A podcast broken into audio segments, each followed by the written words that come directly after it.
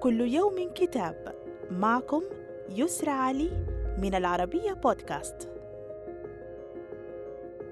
نتناول اليوم كتاب الجدار للكاتب البريطاني جون لانكستر ومن ترجمة إيناس التركي.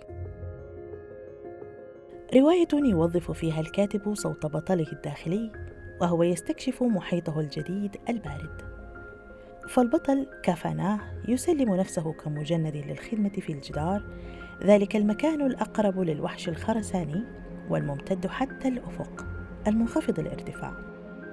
فعالم كافاناه ومن معه يسكنهم الخوف والرعب الدائمان وهم يستعدون لمواجهة آخرين قد يأتونهم عبر البحر.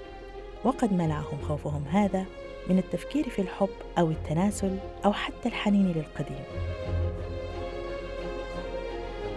تنقسم الرواية إلى ثلاثة فصول وهي الجدار والآخرون والبحر.